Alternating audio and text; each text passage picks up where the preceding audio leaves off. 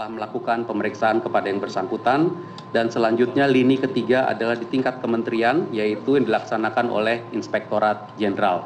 Ini yang tadi saya instruksikan untuk dilakukan investigasi lanjutan oleh Inspektorat Jenderal Kementerian Keuangan bekerja sama dengan uh, Direktorat Jenderal Bea dan Cukai. Teman-teman media yang saya banggakan, saya akan masuk ke topik kedua, yaitu yang terkait dengan laporan harta kekayaan penyelenggara negara. Terkait dengan berita terdahulu yang mengatakan bahwa belasan ribu pegawai Kementerian Keuangan tidak menyerahkan laporan harta kekayaannya, dapat saya sampaikan beberapa hal sebagai berikut. Pertama, semua pegawai Kementerian Keuangan wajib melaporkan harta kekayaannya. Jadi semua pegawai adalah wajib lapor harta. Yang termasuk sebagai pejabat negara, maka dia menjadi wajib lapor LHKPN. Wajib lapor LHKPN.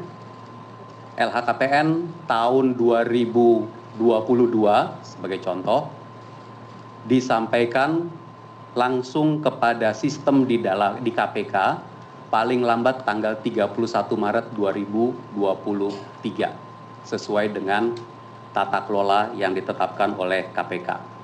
Jadi ada waktu diberi waktu tiga bulan. Namun untuk Kementerian Keuangan kami mewajibkan kepada seluruh pegawai untuk memasukkan LHKPN paling lambat pada akhir Februari. Artinya deadline-nya adalah kemarin. Sampai, saya bisa sampaikan di sini bahwa per kemarin untuk wajib lapor LHKPN telah selesai 99,99 persen. Wajib lapor LHKPN dari Kementerian Keuangan. Wajib lapor ini berarti satu bulan lebih awal dari yang disampaikan eh, dari deadline yang ditetapkan oleh KPK. Ini memang kebijakan internal Kementerian Keuangan sejak beberapa tahun terakhir, bukan hanya baru tahun ini, dan dimaksudkan memang untuk disiplin pegawai dan juga percepatan agar tidak menumpuk di bulan Maret.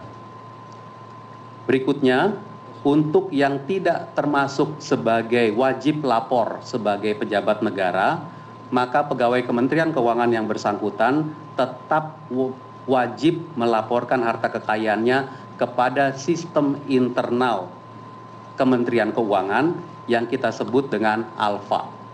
Di alfa ini juga melaporkan daftar harta kekayaan. Deadline untuk alfa ini 28 Februari atau akhir bulan Februari.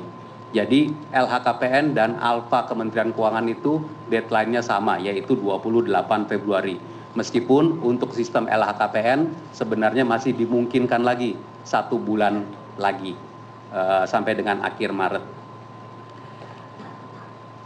Tadi telah saya sampaikan statistik tingkat kepatuhan LHKPN dan dan laporan harta internal Kementerian Keuangan dan kita menjaga serta memastikan agar disiplin minggu lalu telah disampaikan untuk tahun pelaporan 20, 2020 tingkat kepatuhan 99,86 persen, tahun 2021 99,87 persen, tahun pelaporan 2022 99,98 persen, dan tahun pelaporan 2023 yang baru saja adalah 99,99 persen LHKPN. Bagi pegawai yang tidak melaporkan LHKPN dan LHK dilakukan tindakan disiplin sesuai ketentuan. Apa itu?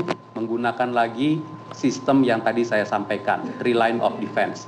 Dipanggil oleh kepala kantornya, diberitahu, disuruh memperbaiki, kalau enggak dipanggil oleh unit kepatuhan internal di Direktorat Jenderalnya, kalau enggak dipanggil oleh Inspektorat Jenderal.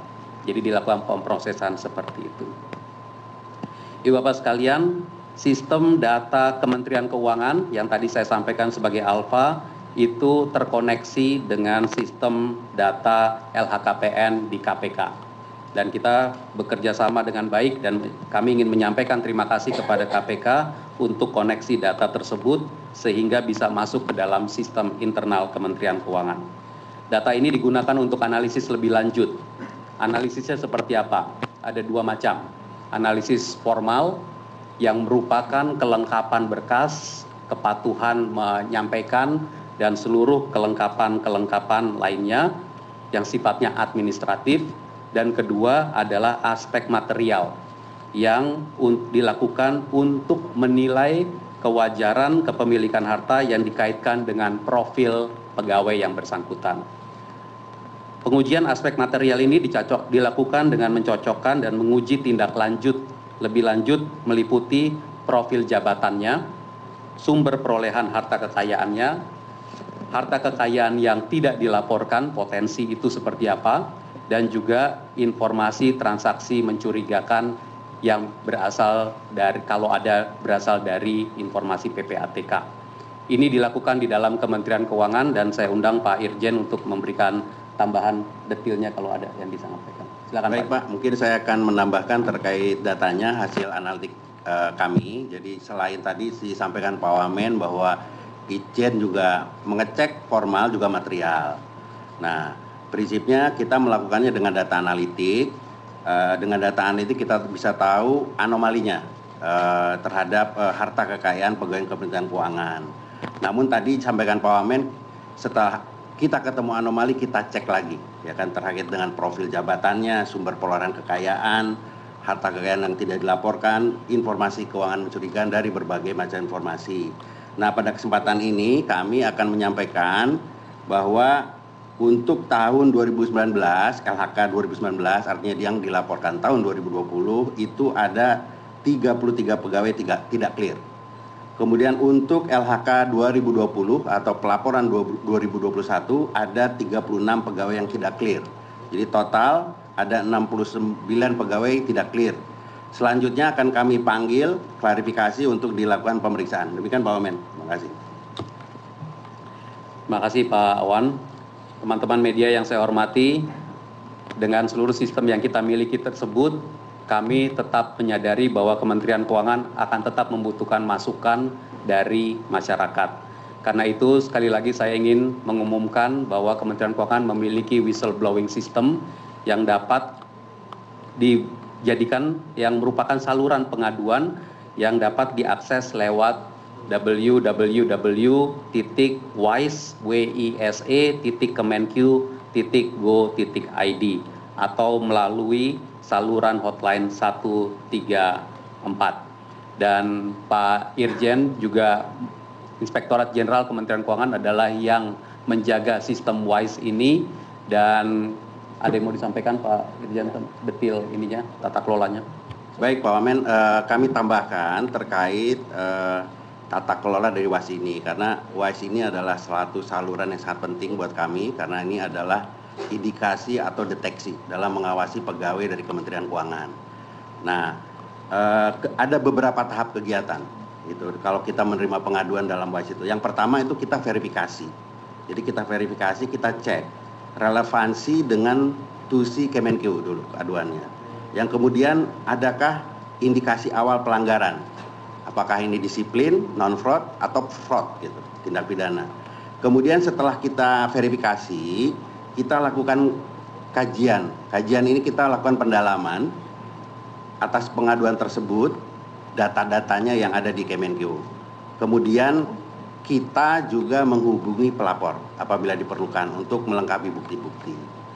Nah, setelah itu kalau dari hasil verifikasi, kajian, uh, semakin uh, dapat informasi yang uh, apa terang buat kita, kita akan lanjutkan dengan kegiatan pengumpulan bahan keterangan. Jadi kita mengumpulkan uh, bukti pendalaman melalui kegiatan yang sifatnya di lapangan. Kemudian minta keterangan kepada pihak-pihak terkait. Nah, apabila itu sudah terbukti dari Pulbaket, kita lanjutkan kepada audit investigasi. Jadi audit investigasi ini dilakukan terhadap uh, prinsipnya ya pengaduan yang setelah dilakukan verifikasi, kajian, pulbakat, memiliki informasi yang lengkap disertai dengan bukti yang kuat dan valid. Nah, setelah itu uh, akan kita lanjutkan ke, kepada rekomendasi penjatuhan hukuman disiplin uh, bagi pegawai yang terbukti. Nah, apabila terdapat indikasi fraud, maka akan kita limpahkan kepada aparat uh, apa penegak hukum. Perlu juga kami sampaikan bahwa dengan sistem WISE ini identitas pengadu atau pelapor dijamin kerahasiaannya. Kemudian pengadu atau pelapor itu dapat melengkapi atau bukti melalui aplikasi WISE. Itu ini web based nih. Kemudian pelaku dap, pengadu atau pelapor dapat memantau perkembangannya. Ini 24 jam 7 hari terhadap penanganan pengaduan melalui aplikasi WISE. Mungkin itu Pak Wamen. Terima kasih. Terima kasih Pak Irjen. Teman-teman media yang saya hormati, eh, bagian terakhir saya ingin menyampaikan beberapa hal sebagai berikut.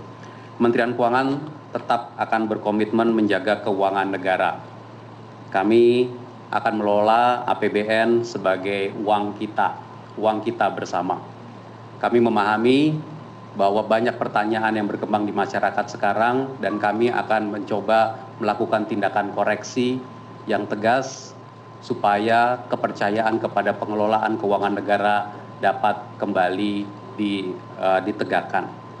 Kami akan bekerja keras mengelola keuangan negara yang baik dan keuangan negara tersebut harus dikelola oleh pegawai dengan perilaku yang baik.